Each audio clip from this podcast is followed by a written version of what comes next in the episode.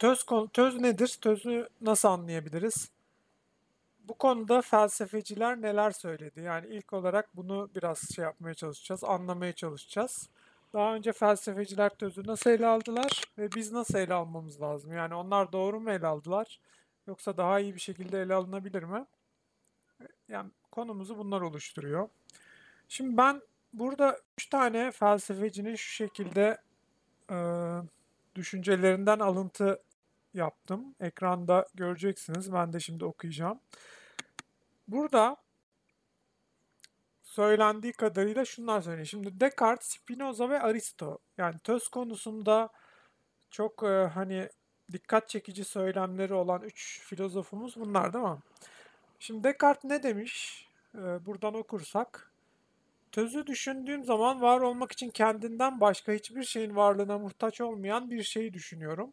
Açık söylemek gerekirse böyle olan yalnız Tanrı'dır diyor. Şimdi buradaki tanımdan ne anlıyoruz? Kendinden başka hiçbir şeyin varlığına muhtaç olmayan, tamam mı? Ve e, bu tanım da Tanrı'ya uyuyor. Descartes'in söylemi böyle. Spinoza'nın söylemini de paralel görüyoruz. Şimdi Spinoza tözü nasıl tanımlıyor? Diyor ki, töz sözcüğünden, kendiliğinden ve kendisi için var olanı anlıyorum.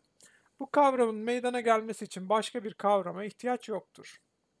Paralel değil mi Descartes'la? Bir de Aristo'nun tözü e, kullandığını biliyoruz. Ya da ön plana çıkardığını biliyoruz hani. E, yani tözü burada da Aristo bir şeyi o, o şey yapan şey olarak tanımlıyor. Ama daha fazlasını da söylüyor. Şimdi Descartes ve Spinoza'da biraz bulanık bir töz tanım vardı ama yani kendisinden başka bir şeye ihtiyacı olmayan varlık. Burada mesela Aristo'nun örneğini görüyoruz. Yani ağacı ağaç yapan şey. Tabi bu örneği artık her şeye uygulayabiliriz değil mi? Bu örneği gördükten sonra evi evi yapan şey, insanı insan yapan şey ya da taşı taş yapan şey, gezegeni gezegen yapan şey o zaman değil mi töz? Ve e, töz e, nesnenin şey arizi, rastlantısal, ilineksel o özelliklerini de taşıyor. Yani kalıcı sonsuz özellikleri dışında arizi özelliklerini de taşıyor ve onlardan bağımsız değildir diyor. Şimdi bu üç töz tanımı size nasıl geliyor ve siz sizce tözü biz nasıl anlayabiliriz, nasıl tanımlayabiliriz? Ee, ben bir burada size soru soru sorayım böyle.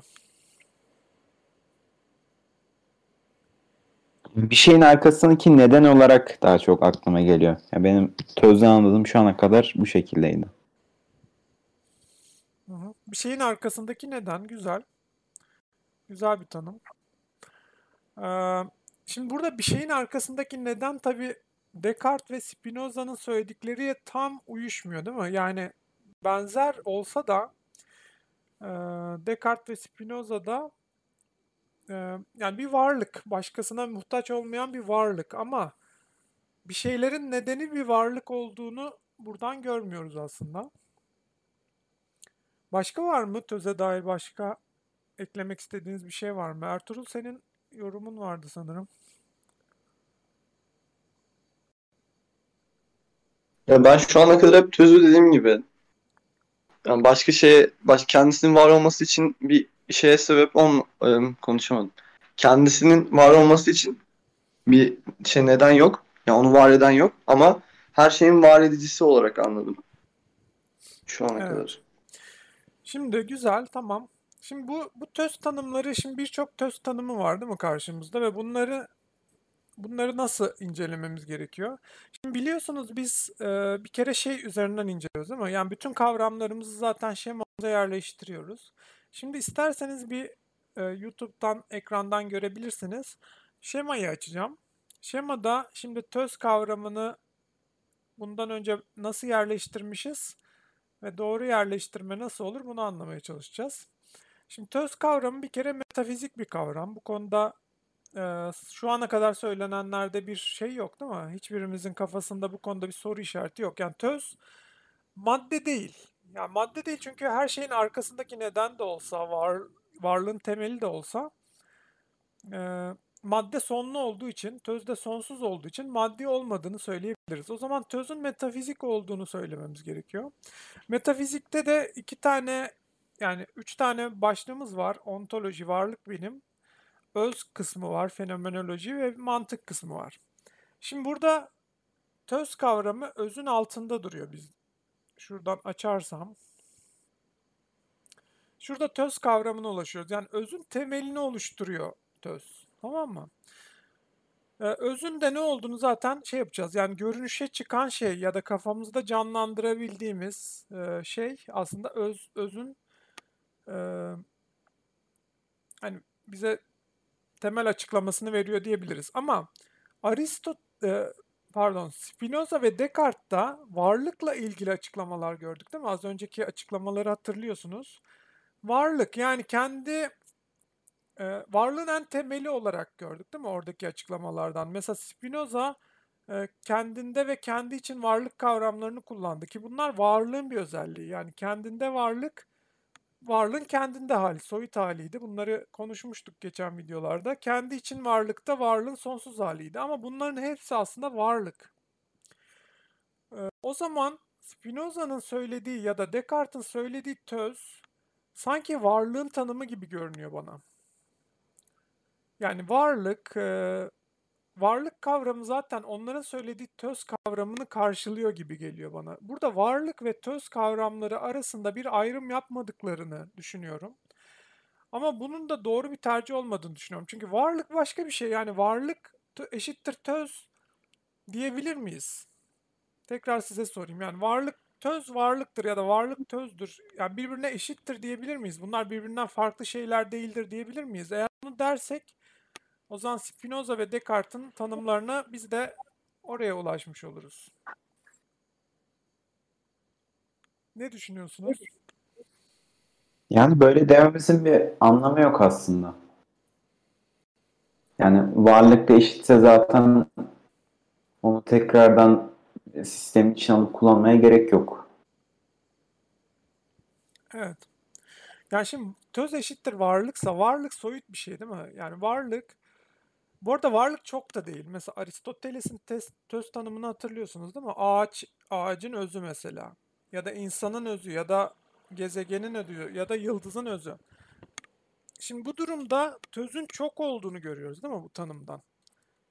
Ee, ve gerçekten de kullanımı genel olarak tözün bu. Yani çok çok töz çok her şeyin bir tözü var. Yani eğer varlık dersek varlık tek. Yani varlık her şeyin bir varlığı var ama tek bir varlık kavramından bahsedebiliyoruz. Yani ağacın varlığından ya da evin varlığından bahsettiğimiz zaman evin varlığı diyoruz. Ama o o varlık evin varoluş halini varoluş halinden bahsediyor. Evin kendisinden değil. Evin işte pencereli olmasından, kapılı olmasından, çatılı olmasından bahsetmiyoruz varlıktan. Sadece varoluşsal olarak, varlıksal olarak bahsediyoruz. O yüzden e, varlık ayrı bir kavram gibi görünüyor değil mi?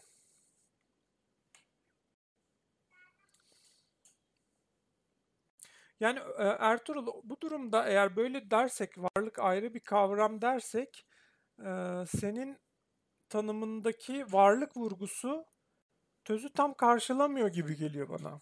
Yani tam olarak tözü tözden bahsetmiş olmuyoruz gibi geliyor. Ya da varlık tabii ki Evet bu şekilde tanımlarsak karşılamıyor. evet varlık tabii ki de tözün e, bir özelliği. Töz var sonuçta. Bu konuda e, hemfikiriz ama töz varlıktan ötesi. Yani varlığın belli bir hali aslında töz. Ama ne hali, nasıl bir hali onu tabii anlamamız lazım, onu araştırmamız lazım. Ee, buraya kadar söylediklerim size anlamlı geliyor mu? Buradan ilerleyebilir miyiz? Yani burada şöyle bir kafa karışıklığı var değil mi? Töz ve Kant'ta da bu, bu var aslında. Kant da tözü e, varlık olarak daha çok anladığını görüyoruz. Şimdi demek ki felsefe tarihinde töz kavramı üzerine bir e, çeşitlilik var. Ama bu çeşitlilikte Aristo'nun töz kavramı varlığın belli bir halini, varlığın bir şekillenmiş halini bize verdiği için daha mantıklı gibi görünüyor. Yani Spinoza'nın, Descartes'in, Kant'ın kullandığı töz kavramları genel olarak varlıktan bahsediyor. Ama varlığın belli bir halinden bahsetmediği için e, o zaman varlık eşittir töz diyorlar ya da tözü zaten Spinoza biliyorsunuz tanrı olarak görüyor. Descartes de aslında tözü tanrıyla eş gördüğünü görüyoruz buradaki tanımdan. O zaman buradaki tanımda e, Descartes ve Spinoza'nın töz tanımlarının yetersiz olduğunu bence tespit etmemiz gerekiyor. Yani töz sadece varlık değildir. Varlıktan fazlası olmak zorunda. Yoksa töz diye ayrı bir kavram kullanmamıza ya da tözün zenginliğinden vazgeçeceğimiz bir duruma geliriz. Eğer töz eşittir sadece varlık dersek. Ee, bu konuda açık oldu mu yoksa kafanızda soru işareti var mı bu konuda? Bu durumda e, töz biçimle paralel bir şey mi oluyor? Evet, aynen öyle. Şimdi ona geleceğiz. E, tözün ne olduğunu ben daha detaylı olarak e, açıklamaya çalışacağım. Ama burada esas vurguladığım şey yani esas buradaki mesaj e, fazla yani felsefe tarihinde töz kavramının e, daha çok varlıkla özdeş olarak ele alındığını görüyoruz. Aristo ve Hegel dışında bunun böyle alındığını görüyoruz ve bunun Aristo ve Hegel'de daha zengin, daha doğru bir, daha doyurucu, daha açıklayıcı bir töz tanımına bize ulaştırdığını düşünüyorum ben. Hani bu ilk kısmındaki şey bu. Hani vurgu buna. Eğer bu konuda katıl katılmadığınız şey varsa tabii söyleyebilirsiniz, konuşabiliriz. Yoksa zaten ilerleyeceğiz. Onlar yani Hegel'de töz kavramı nasıl ele alınıyor? Aristoteles'teki töz kavramı nasıl bir şey? Ondan sonra ona ilerleyeceğiz. Yani töz ve varlığın ayrımını yapmamak e, felsefi olarak töz kavramını fakirleştiriyor. Tamam bu çok önemli bir nokta. Yoksa zaten tözü anlayamıyoruz. Yani töz o zaman varlığı anlay anlamış oluyoruz sadece. Varlığı biliyorsunuz geçen videolarımızda ele aldık. E, detaylı olarak ele aldık varlık kavramını. Yani o o kadar o zaman. Töz odur yani. Onun dışında bir töz yoktur demeye gelmemiz gerekiyor. Eğer tözün o fakir tanımında kalırsak. Buraya kadar tamam mıyız o zaman? İlerleyelim mi? Zengin tanımında peki e, tözün varlık dışında ne var? Evet işte o- oraya gelelim şimdi. Tözün varlık dışında neyi var o zaman? Yani varlık sadece töz varlıktır demeyeceksek ne diyeceğiz? Şimdi ben orada tekrar şemaya döneceğim. Ee, çünkü bunların hepsini şemada açıklamış durumdayım. Şöyle şemayı yansıtayım tekrar. Şimdi varlıktan bahsettim. Töz varlıktan fazlasıdır dedim. Varlık neyi kapsıyordu? İşte kendinde varlık, kendi için varlık, matematik, sayılar, sayıları kapsıyordu varlık ve ölçüyü kapsıyordu. En son ölçüyle varlığın ideasına, doğruğuna ulaşmış olduk. Yani sonsuz varlığa, gerçek varlığa ölçüde e, ulaşmış olduk. Bir önceki videoyu burada bırakmıştık. Şimdi o zaman öze öz alanı ilerlersek Eğer YouTube'dan görüyorsanız ben şimdi şemada açıyorum ya da kendiniz de şemadan açabilirsiniz bunları.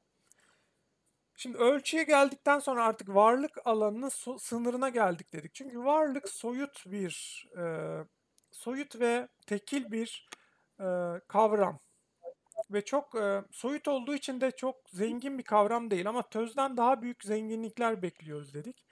Şimdi o zaman oraya nasıl ilerleyebiliriz? Bu soru ortaya çıkıyor. Şimdi e, metafiziği üç alana ayırmıştık. Şunları tekrar bir küçülteyim. Varlık, öz ve mantıktan oluşuyordu metafizik alanımız. Varlık soyut momenti ise bunun somutluğu ne olabilir? Yani varlığı biz kafamızda kurgulayabiliriz. Ee, sayısal işlemlerini anlayabiliriz. Ölçüsel e, hesaplamalarını anlayabiliriz. Ama bu daha nasıl kendisini som, e, somutlaştırabilir, dışsallaştırabilir? Bize nasıl nesnel olarak bize nasıl kendisini gösterebilir? Bu konuda e, bir fikriniz var mı? Varlık ortadan kalkarak olabilir. Evet, varlık ortadan kalkacak. Yani şu an ikinci adıma ilerliyoruz. Artık varlık e, kavramını geride bırakıyoruz ama ortadan kalkarken tabii saklanarak ortadan kalkıyor biliyorsunuz bu şemada.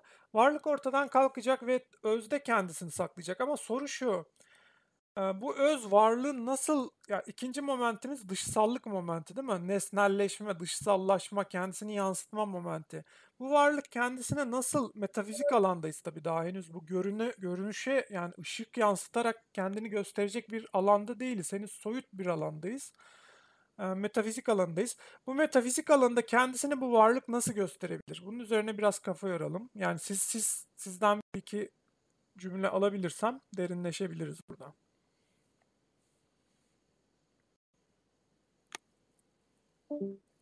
Benim buna bir fikrim yok aslında yani varlık ortadan kalktıktan sonra kendini neyin üzerine yansıtabilir bilmiyorum. Beni zaten e, varlıktan öze geçiş ya da e, töze geçişteki sorun da buydu geçen hafta. Bu yüzden ya da. Tamam, o zaman şöyle ilerleyelim. Şimdi ben şemayı biraz daha derinleştireyim. Bakalım ne olacak. Şimdi fenomenolojide varlıktan sonraki alanda yani karşımıza şu kavramlar çıkıyor. Görünüş, fenomen, yani görünen şeyin kendisi. Daha doğrusu görünen şeyin artık olgusallığı ve olgunun kendisi yani fiiliyat, olgusallık. Şimdi bu üç kavram karşımıza çıkıyor. Demek ki bu şemaya göre bizim ilerlememizde artık varlığın kendisini göstermesini bekliyoruz. Tamam mı? Zaten bir şeyin dışsallaşması, bir şeyin kendisini başkasına yansıtması da onun görülmesiyle mümkündür ya da kendisini yansıtarak bilinebilir, görülebilir, değil mi?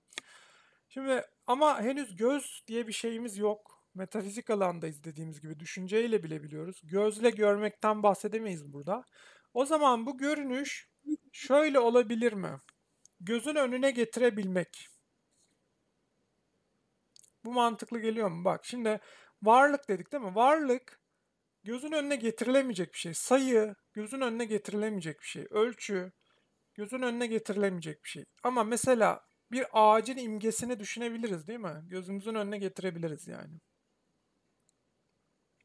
Ya da bir kediyi gözlerimizi kapatıp düşünebiliriz değil mi? Evet, bu durumda e, varlık da ortadan kalkmış olur ama aynı zamanda onu tekrardan bilebiliriz. Evet, yani varlık kendini artık dışa salıyor. Nasıl metafizik kendisini doğada, doğal nesnelerde dışa salıyorsa, öz alanında da, töze geçişte de artık varlığın kendisini dışa saldığı ve gösterdiği, görülebilir olduğu ama gözle değil, akılla görülebilir olduğunu görüyoruz, tamam mı? Bu aşama artık bizim töze ilerlediğimiz aşamayı bize verecek. Burada da biçim, yani o işte ağacın biçimi, elmanın biçimi değil mi? Bunlar artık gözümüzün önüne gelebilen imgeler. O yüzden artık varlık soyut bir varlıklıktan çıkıyor. Artık konuşabileceğimiz. Ben elma dediğimde siz de ar- artık gözünüzün önüne bir elma getirebilirsiniz. Yani varlık dediğimde gözünüzün önüne bir şey getiremiyorsunuz. Soyut bir kavram bu. Ama elma dersem getirebilirsiniz değil mi? Ya da ne bileyim bilgisayar dersem zaten şu an bilgisayar karşısındasınız belki de telefonda ama başka bir şey söyleyelim. Ya da kalem dersem kalemi gözünüzün önüne getirebilirsiniz değil mi? Yani artık görünüşe çıkmış varlık, kendisinin dışına çıkmış varlık. Tamam mı? E, bilinebilen sadece değil, artık nesnel olarak görülebilen ya da göz önüne getirilebilen bir varlık karşımıza çıkıyor. Böylece töze ilerleyebiliyoruz biçim sayesinde. Şimdi bu ilerleyiş biraz oturdu mu yoksa hala mı çok soyut? Ben anladım. Yani o zaman Ee, bu gözümüzün e, bu gözümüzün önüne getirdiğimiz şey de e, biçim yani töz dediğimiz şeyle mi alakalı? evet işte oraya ilerleyeceğiz. Yani o biçim biçim zaten tözün biçimi olabilir ya da biçimin gerçekliği tözdür diyebiliriz aslında. Şimdi oraya şöyle ilerliyorum. Şemayı, biçimi bir adım daha açıyorum. Biçimin altını incelediğimiz zaman öncelikle özdeşlik kavramı çıkıyor karşımıza. Kendine özdeş şey. Tamam mı? Bu soyut biçim.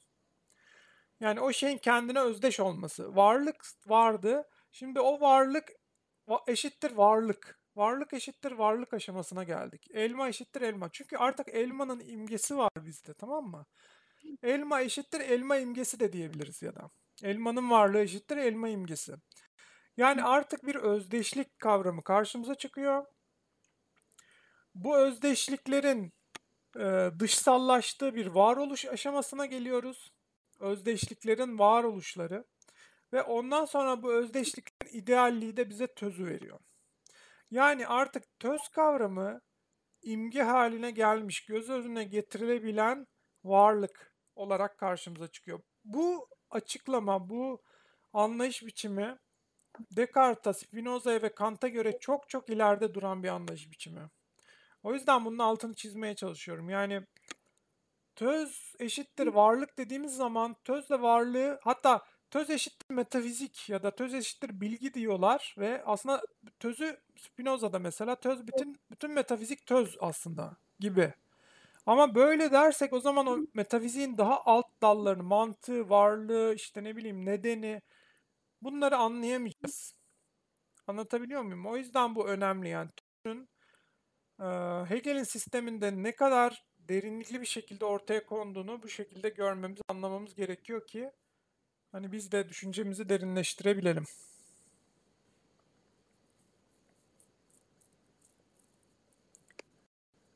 Şimdi eee, böylece varlığın kendisi geride kalıyor, geçmişte kalıyor. Yani kendisi nitelikler ortaya çıkmış varlığın artık o niteliklerinin ortaya çıkışı, ölçüsünün ortaya çıkışı geçti, bitti. Artık o bize imge olarak bir tabii ölçüyü de kapsıyor, varlığı da kapsıyor bu imgeler ama bir imge olarak karşımıza çıkıyor şeyler artık ve çok olarak karşımıza çıkıyor. Yani varlık kavramı bir birdi. Varlığın kendisini inceliyorduk. Hani şu varlık, bu varlık değil. Varlığın kendisini inceliyorduk. Şimdi tözde artık çok fazla nesne, çok fazla imge karşımıza çıkıyor. Her şey karşımıza çıkıyor. Her şeyin imgesi karşımıza çıkıyor. Ki bu da sonsuz sayıda imge demek değil mi? Hı hı. Yani töz e, geçmiş olmuş, tarih olmuş varlık kapsıyor ve sonsuzluğu, varlığın bir e, nicel olarak sonsuzluğuna ilerliyoruz. E, burasıya kadar tamamsak devam edeceğim. Ya da sorunuz varsa, açmak istediğiniz başka bir şey varsa konuşabiliriz.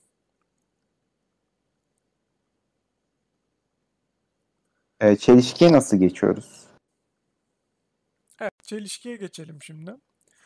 Şimdi şöyle, şimdi özde yani e, biçim dedik değil mi? Biçimle başlıyordu öz alanı. Yani biçim olarak, şekil olarak karşımıza çıkıyordu. Ve biçim de e, nesne, varoluş ve töz olarak karşımıza çıkıyor. Şimdi nesne artık biçimli şey nesne olarak karşımıza çıkıyor ama bu fiziksel nesne değil. Karıştırmayın. Fiziksel nesne cisimdir. Biz burada düşünsel nesneden bahsediyoruz. Nesnellik, nesnelliğin kendisinden bahsediyoruz.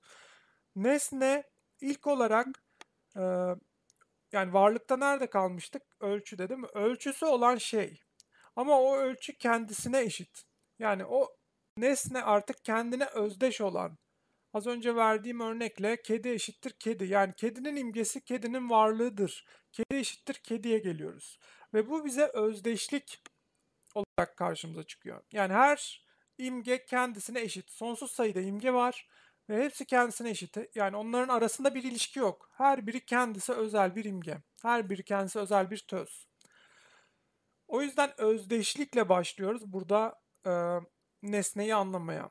Ama üzerine düşündükçe bu özdeşliğin yani elma eşittir elma diyoruz ama sonra bakıyoruz ki aslında elma çürüyor.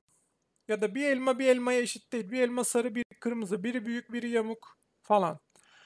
Demek ki aslında A eşittir A özdeşliği artık bize yetmiyor. Daha derin düşünürsek o imge kendisine eşitlikten çıkıyor, kendisine karşıt ya da türlülüğe dağılıyor. Yani her şey türlü, bütün imgeler türlüdür. Burada Leibniz'in e, hikayesini belki hatırlarsınız.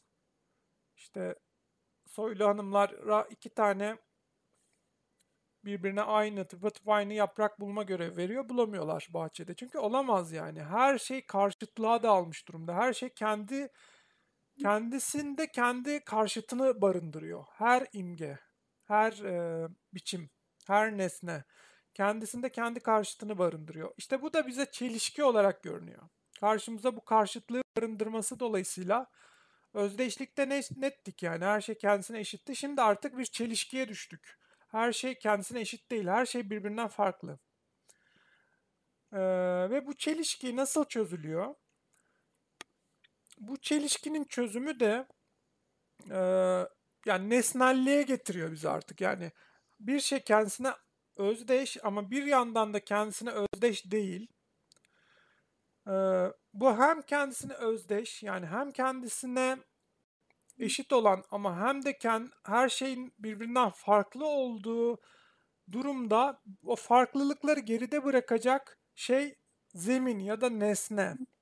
Yani nesnenin kendisi eee, düşünsel olarak artık şeyi kapsıyor. O karşıtlıkları aşıyor. Her şeyin türlülüğünü aşıyoruz. Yani yaprakların türlülüğünü yaprak nesnesini düşündüğümüz zaman aşabiliyoruz. Yoksa tek tek eee, bütün yapraklara bakarsak aynı yaprağı bulmamız mümkün değil. Buraya kadar ilerledik mi? Kavramda olmasın yani zemin? Efendim? Bir kavramda olmasın mı zemin? Tam anlayamadım. Evet yani e, o nesne yani onun bir nesne olması, nesnel olması yani yaprağın yaprak aynen kavram aslında ama daha kavram kavramına ulaşmadık. Yani yaprağın kavramında olması diyebiliriz aslında. Kavram kavramına ileride ulaşacak olmamıza rağmen şu an bu kelimeyi kullanabiliriz ama henüz kavrama ulaşmadık. Sadece yapraklık diyebiliriz aslında. Yani yapraklık türlü değildir. Bir tane yapraklık vardır değil mi? Yaprağın tözü aslında şu an töze doğru ilerliyoruz. Töz, yaprak tözü birdir. Çünkü düşünseldir. Yani düşünsel olarak birdir ya da. Kendisi imgesel olarak çok olabilir ama düşünsel olarak o birdir. İşte buradan zaten töze ilerleyeceğiz.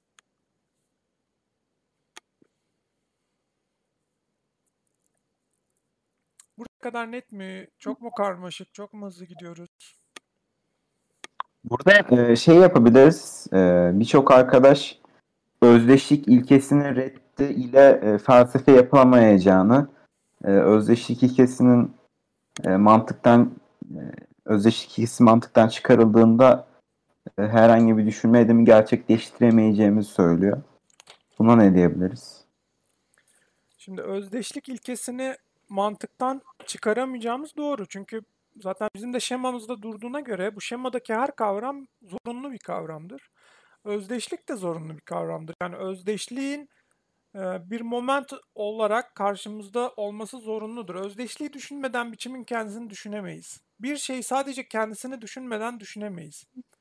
O yüzden özdeşlik doğru yani zorunlu bir kavramdır. Mantıktan çıkarılamaz. Ama e, sanırım o sorunun altında yatan hata şu, özdeşliği aşamaya, aşamamak. Yani sıkıntı bence orada. Yani bir şey kendisine özdeştir ama aynı zamanda da özdeş değildir. Bunu anlayamamakta sıkıntı var. Yani çelişkiyi anlayamamakta sıkıntı var. Eğer özdeşlikte takılıp kalırsak, her şey özdeşliktir dersek, o zaman ne hareketi, ne değişimi, ne türlülüğü, ne çelişkiyi anlayamayız. Ya mesela bir tohum tohumdur diyoruz değil mi? Ama tohum tohum da değildir aynı zamanda. Tohum aynı zamanda da ağaçtır değil mi? Bekleyince ağaç olacak o. O zaman tohum tohumdur özdeşliği yanlışlanmış oluyor bu aşamada. Peki bu e, çelişki hani tohumun çünkü biz hareketinden bahsediyoruz, değişmesinden bahsediyoruz. Hı hı. Çelişki sadece bu değişebilen e, oluştu olan şeyler için mi geçerli o zaman? Evet, aynen öyle. Ama yani özdeşlik e, hareket içermiyor. Çelişki değişimi, hareketi getiriyor bize ve ama bu her şey için geçerli. Bütün kavramlar zaten hareketi ve değişimi kapsıyor. Sadece e, yani zemin nesne ya da töz kapsamıyor diyebiliriz ama o da kendisinde bir moment olarak kapsıyor. Yani o da çelişki aşmasına rağmen çelişki onun bir momentidir. O yüzden çelişki zaten vardır yani gerçektir, vardır. Ee, ama kapsanarak aşılır, ortadan kaldırılır böyle diyebiliriz.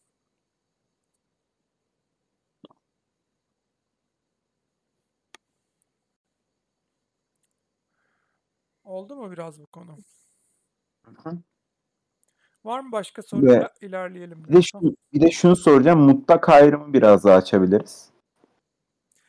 Ee, yani mutlak ayrım bu türlülüğe dağılma meselesinde karşımıza çıkıyor. Yani ayrım aslında orada. Ee, belki mutlağı kullanmasak daha iyi olur orada. Yani her şey birbirinden ayrı. İki tane birbirinin aynısı yaprak bulamazsın. İki tane birbirinin aynısı karpuz bulamazsın. İki tane birbirinin aynısı kalem bulamazsın. Her şey birbirinden mutlak olarak her şey ayrı yani. Tam e, mutlak kavramına gelmediğimiz için burada mutlağı kullanmamak daha iyi olurmuş belki. E, şemada düzeltmek gerekir belki. Ayrım. Sonra türlülüğe gelişiyor ve çelişkiye ilerliyor. Hegel bunu varlıkta şey olarak kullanıyordu. Ee, o yüzden sordum. Ee, varlık ve yokluk birbirinin aynısıdır ama aynı zamanda mutlak olarak e, birbirlerinden farklı oldukları için e, gene onlarda hiçbir belirlenim bulamayız diyor. Yani evet bu, bu ifade doğru. Yani mutlak ayrım ya zaten bir kavramlar birbirinden ayrıysa mutlak olarak ayrı olmak zorunda değil mi? Bir, iki kavram birbirinden ayrıysa aynı değillerse mutlak olarak ayrı olmak zorundalar. Ee, dediğim gibi mutlak kavramı belki kullanmasak da olur burada ama ayrım yani burada karşıtlık her şeyin birbirinden ayrı olduğunu ifade ediyor bize.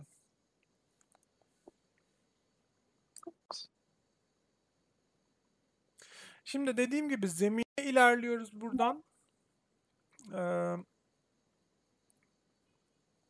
yani nesnellik dediğimiz kavrama ilerliyoruz tamam mı? Yani nesne kendine özdeş ama kendine özdeş de değil aynı zamanda. Bu çelişkiyi nasıl çözeceğiz? Nesne nesneldir. Yani nesne o imgeler ya da o karşımıza çıkan görünüşler, gözümüzün önüne getirebildiğimiz imgeler nesnel olarak var oldukları için, nesnel olarak var olarak bu özdeşlik ve karşıtlık çelişkisini aşıp kendilerini gerçek daha gerçek olarak bize sunuyorlar. Tamam mı? Nesnellikte. Ve nesnel olan şey de varoluşta olan şeydir. Yani e, varoluşun kendisi aslında o nesnelliğin e, kendisini ifade etme hali. Yani varoluş dediğimiz kavram e, nesnelerin e, var olduklarını, nesnel olduklarını bize ispatlayan, onların açığa, kendilerini açığa vurdukları kavram. Ve bu nesnelerin varoluşta kendilerini ispatlayan nesnelerin sonsuzlukları da karşımıza töz olarak çıkıyor. Yani töz artık nasıl ilerledik buraya kadar? Şöyle şemayı biraz aşağı kaydıracağım. İmgeler gözümüzün önüne gelebiliyordu ve bunların varoluşta olduklarını, nesnel olduklarını tespit ettik. O zaman e, nesne olan şeyler, kendine özdeş olan o nesneler, biçimler varoluştalarsa da aynı zamanda o zaman bunlar tözdürler. Var olan biçimler, var olan imgeler tözdürler diyoruz. Varlıkla kendilerini kanıtlayarak bize sonsuz töze ulaştırıyorlar bizi. Sonra fenomene geçeceğiz ama şu an bugün artık o konuyu almayacağım. Ee, fenomende de artık tözlerin dışsallaştığını göreceğiz. Onu artık bir sonraki videoya bırakalım. Şimdi e, sizin e, yorumlarınız, sorularınızla töze dair sorularınız varsa önce onları ele alalım. Sonra da serbest sorularınızı ele alabiliriz. Önce töze dair var mı bu anlattıklarım üzerinde sormak Ben varoluşu, varoluşu tam anlamadım. Ee, va- varlık kavramındaki e, belirli varlıktan ya da direkt olarak var olmaktan farkı ne? Aslında belirli varlık varlığa benziyor var, varlıktaki. Çünkü artık belirli hale geliyor. Yani o nesneler imge olarak karşımıza çıkan, gözümüzün önüne getirebildiğimiz nesnelerin var olduğunu da biliyorsak eğer, var olduklarını da bize gösteriyorlarsa, ya- yani varlarsa o nesneler, elmalar varsa, tamam mı? O zaman var olan imge bize sonsuz tözü veriyor. Yani belirli varlıktaki ilerlemeyle benzer bir ilerleme. Bu da nesnenin belirlilik hali, varoluş hali. Peki bir imgenin zaten yokluğundan söz edebilir miyiz ki? Yani edebiliriz. Gerçekten var olmayan imgelerden bahsedebiliriz değil mi? Mesela e, ejderha gerçek- mi? gerçek olup olmamasından bahsediyoruz? Varoluş derken. Evet yani gerçek olarak varoluşta olmasından bahsediyoruz. Varlığının olmasından bahsediyoruz. Ejderhanın da olamaz mı mesela tözü? İşte olamaz çünkü varoluşta değil yani. O o başka tözlerin birleşimi diyebiliriz ejderha. Çünkü o bir hayal ürünü değil mi? Mesela İnsanlar işte dinozor kemiklerine bakıyorlar. Sonra işte kanatlı dinozor kemiklerini görüyorlar. İşte ateş çıkardığını hayal ediyorlar ve bir ejderha imgesi yaratıyorlar, değil mi? Ama bu gerçekten varoluşta olan bir şey değil. Varoluşta olan şey dinozor, uçan dinozor, ateş bunlar varoluşta. Demek ki bu tözlerin birleşimi ejderha. Kendisi bir töz değil. Ee, peki şey diyebilir miyiz buna? O gerçekten öyle değil ama e, hayali nesnesi olarak ya da sanın ya da hikaye nesnesi olarak Evet, Ee, nesnedir. o Yani nesne olmasını teslim ediyoruz. Yani bu ilk moment, biçimin ilk momenti nesne yorumumuzda. Ejderhanın bir nesne olduğunu hikayenin içinde bir töz olabilir mi? efendim O hikayenin gerçekliğinde bir töz olabilir mi? Yoksa o hikayenin gerçekliği direkt olarak yok mu diyeceğiz? yani hikayenin e, gerçekliği gerçeğin kendisine uymuyorsa yine buna töz değil dememiz lazım. Hı, anladım. Ama bir nesnedir yani. Bunun nesne olduğunu teslim ediyoruz. Ee, vardır da. Ama varoluşta değildir. Ve o zaman e, bu töz, bunu töz kabul edemeyiz. Çünkü tözler varoluşta olan, gerçek olan imgeler. Ve sonsuzlukları bu imgelerin.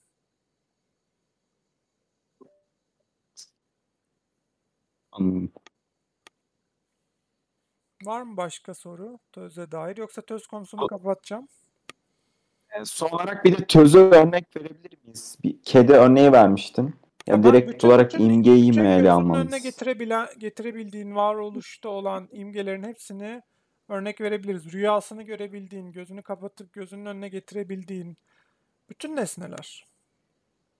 Telefon, bilgisayar, insan, kadın, her şey yani. Gezegen, Mars, ne bileyim uydu, her şey.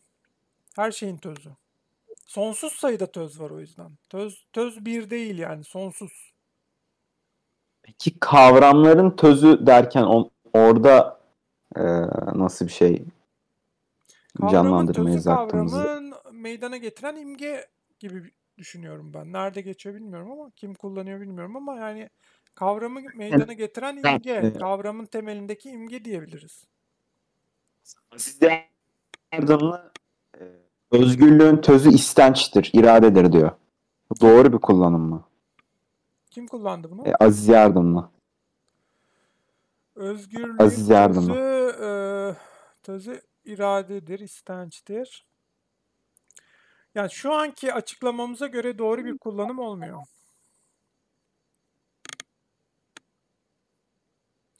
Em, çünkü töz dışsallık değil mi? Yani töz özgürlüğün dışsallığı ha yani ama dışsallığı iradedir dersek diyebiliriz. Çünkü irade dışsal bir şey değil mi? Yani irade insanın yapıp ettikleri ve insandan çıkan bir şey artık. O anlamda kullanabiliriz aslında. Yani özgürlüğün dışsallığı iradedir dersek töz de dışsal bir şey olduğu için burada bir paralellik olabilir.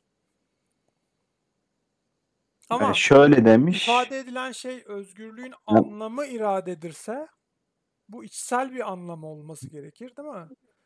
O zaman e, o zaman bence doğru olmuyor. Doğru bir kullanım olmuyor eğer o anlamda kullanıldıysa. demiş.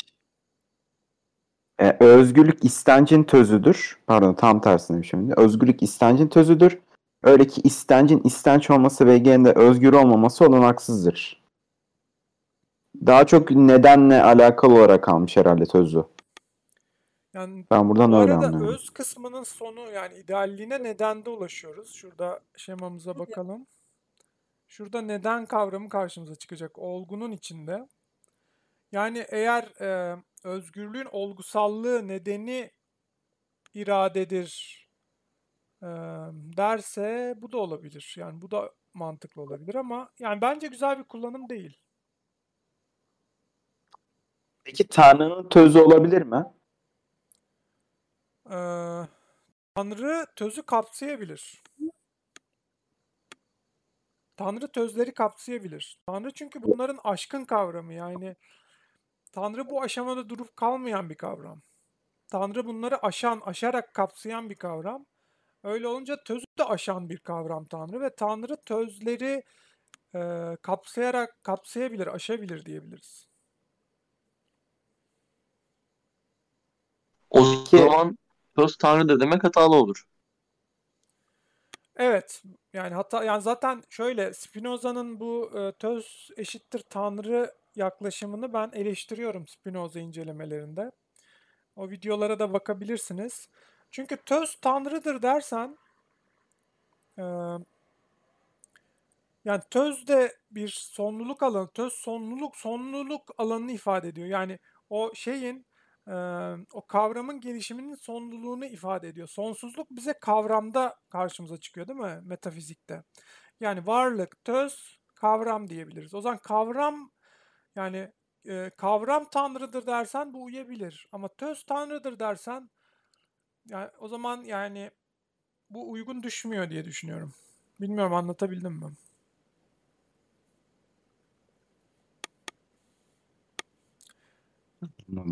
Yani tözler çünkü O zaman töz dışsal bir alan ya. Tözün ideal e, yani töz henüz töz nesnenin idealliği ama töz tözün kendisi bir ideal yani kendisi idealliğe ulaşmış değil değil mi? Töz henüz dışsal bir şey. İmge yani karşımızda duran imge. Yani imge tanrıdır diyebilir miyiz? Bu saçma olur değil mi? tözü direkt olarak biçimle paralel olarak mı kullanmalıyız yani? Öyle yani öyle ben öyle anlıyorum ve öyle olduğunu savunuyorum. Bunun karşıtını savunuyorsanız zaten bugün bunu tartıştık. Ee, bence öyle öyle e, düşünmemiz gerekiyor. Çünkü zaten Hegel'in e, sisteminde de öyle. Yani görünüşe çıkmış şey töz. Bu da biçimi verir bize değil mi? Ya da biçimdir yani görünüşe çıkmış varlık. Görünüşe çıkmış şey. Başka nasıl anlayabiliriz? Yani e, videonun başında şeyde belirttim yani Descartes ve Spinoza bunu yanlış an yani bence yanlış ele alıyorlar. Fakir bir şekilde ele alıyorlar. Töz varlıktır dersen töz içeriktir dersen bu yanlış olur. Töz biçimdir. Töz dışsallıktır. Töz görünüştür. Peki burada içerik hangi kavrama karşılık düşüyor? Varlığa mı yoksa Varlığa E, mantığa- düşüyor ama içerik ve görünüşün birliği bize ideal içeriği verecek ya da içeriğin idealliğini verecek. O da kavramda ya da mantıkta karşımıza çıkacak. Yani var, varlık içeriktir ama soyut içeriktir. Henüz e, somutlaşmış, idealliğine ulaşmış, gelişmiş içerik değil. Sorun orada. Varlıkta, varlığın içerik olmasındaki yani. sorun o. Ama mesela e, mantıkta ya da kavramda bu ikisinin bir, bir arada olduğunu ve ideal bir şekilde bir arada olduğunu göreceğiz.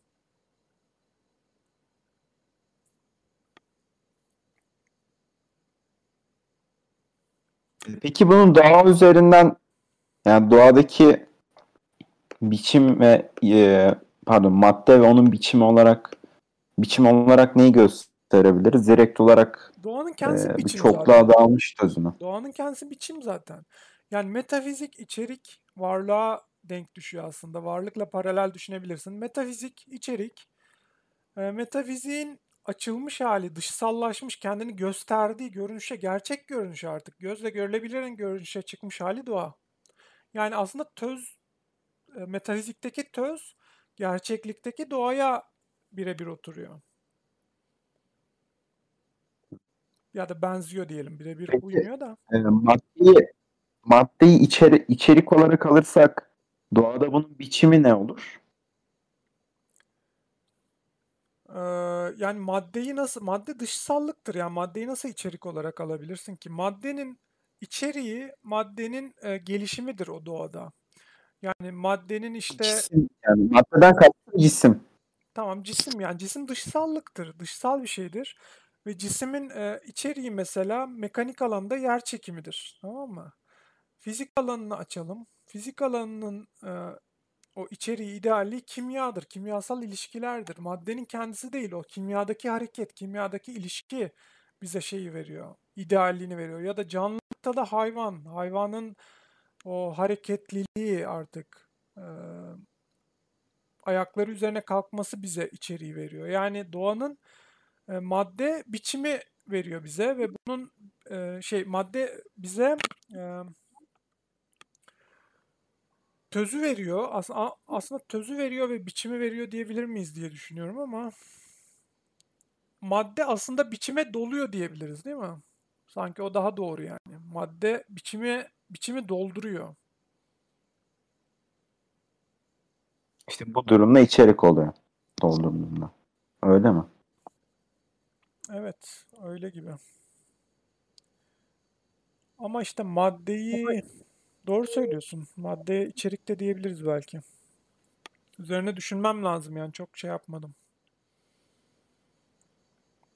Madde cisim olarak karşımıza çıkıyor. Şimdi şemadan görelim. Şemada cisim nerede? Cisim aslında idealliği, evrenin idealliği ve evrenin içeriği aslında. Doğru söylüyorsun. İçerik diyebiliriz.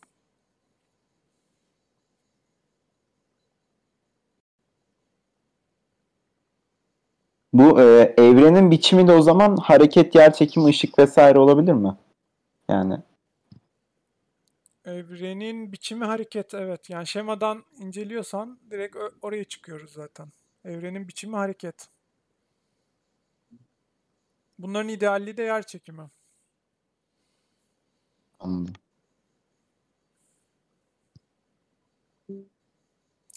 Evet, başka sorulara herhalde diğer konulara vakit kalmadı. O zaman tözün dışına hiç çıkmayalım bugün. Çünkü tüm zamanımızı tözle harcadık. Başka soru var mı töze dair yoksa yeterli oldu mu?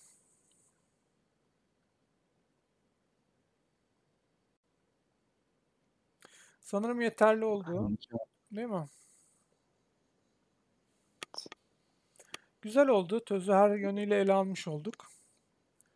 Ee, bir sonraki videonun konusunu tekrar kararlaştırırız. Belki de bir sonraki videonun hepsini serbest kürsü yaparız.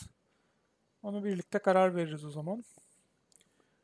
Ee, başka, sizin katkınız yoksa sonlandırıyorum. Görüşmek üzere. Görüşürüz. Ha bir saniye bekleyin, bir saniye. Şeyde e, YouTube'da soru var mı diye bakıyorum. Öz varlığa sahip olduğu söylenen ancak varoluşla özdeş olmadığı düşünüldüğünde tözler öz varlık bileşimlerdir. Böyle bir yorum var Raymond Reiner'dan. Nesnelerin imgelerinden nasıl sonsuz töze ulaşıyoruz? Yani nesnelerin imgelerinden yani bu tözün o imgelerin sonsuzluğu aslında e, töz dediğimiz şey sonsuz olarak e, var olan imge ya da varoluşta olan, gerçek olan imge bize tözü veriyor aslında. Bunu belki ele almıştık. Orada belki açıklığa kavuşmuştur diye düşünüyorum. Başka bir soru da sanırım yok. Tamamdır. Teşekkür ediyorum arkadaşlar. Görüşmek üzere. Hoşçakalın. Biz teşekkür ederiz. Görüşürüz.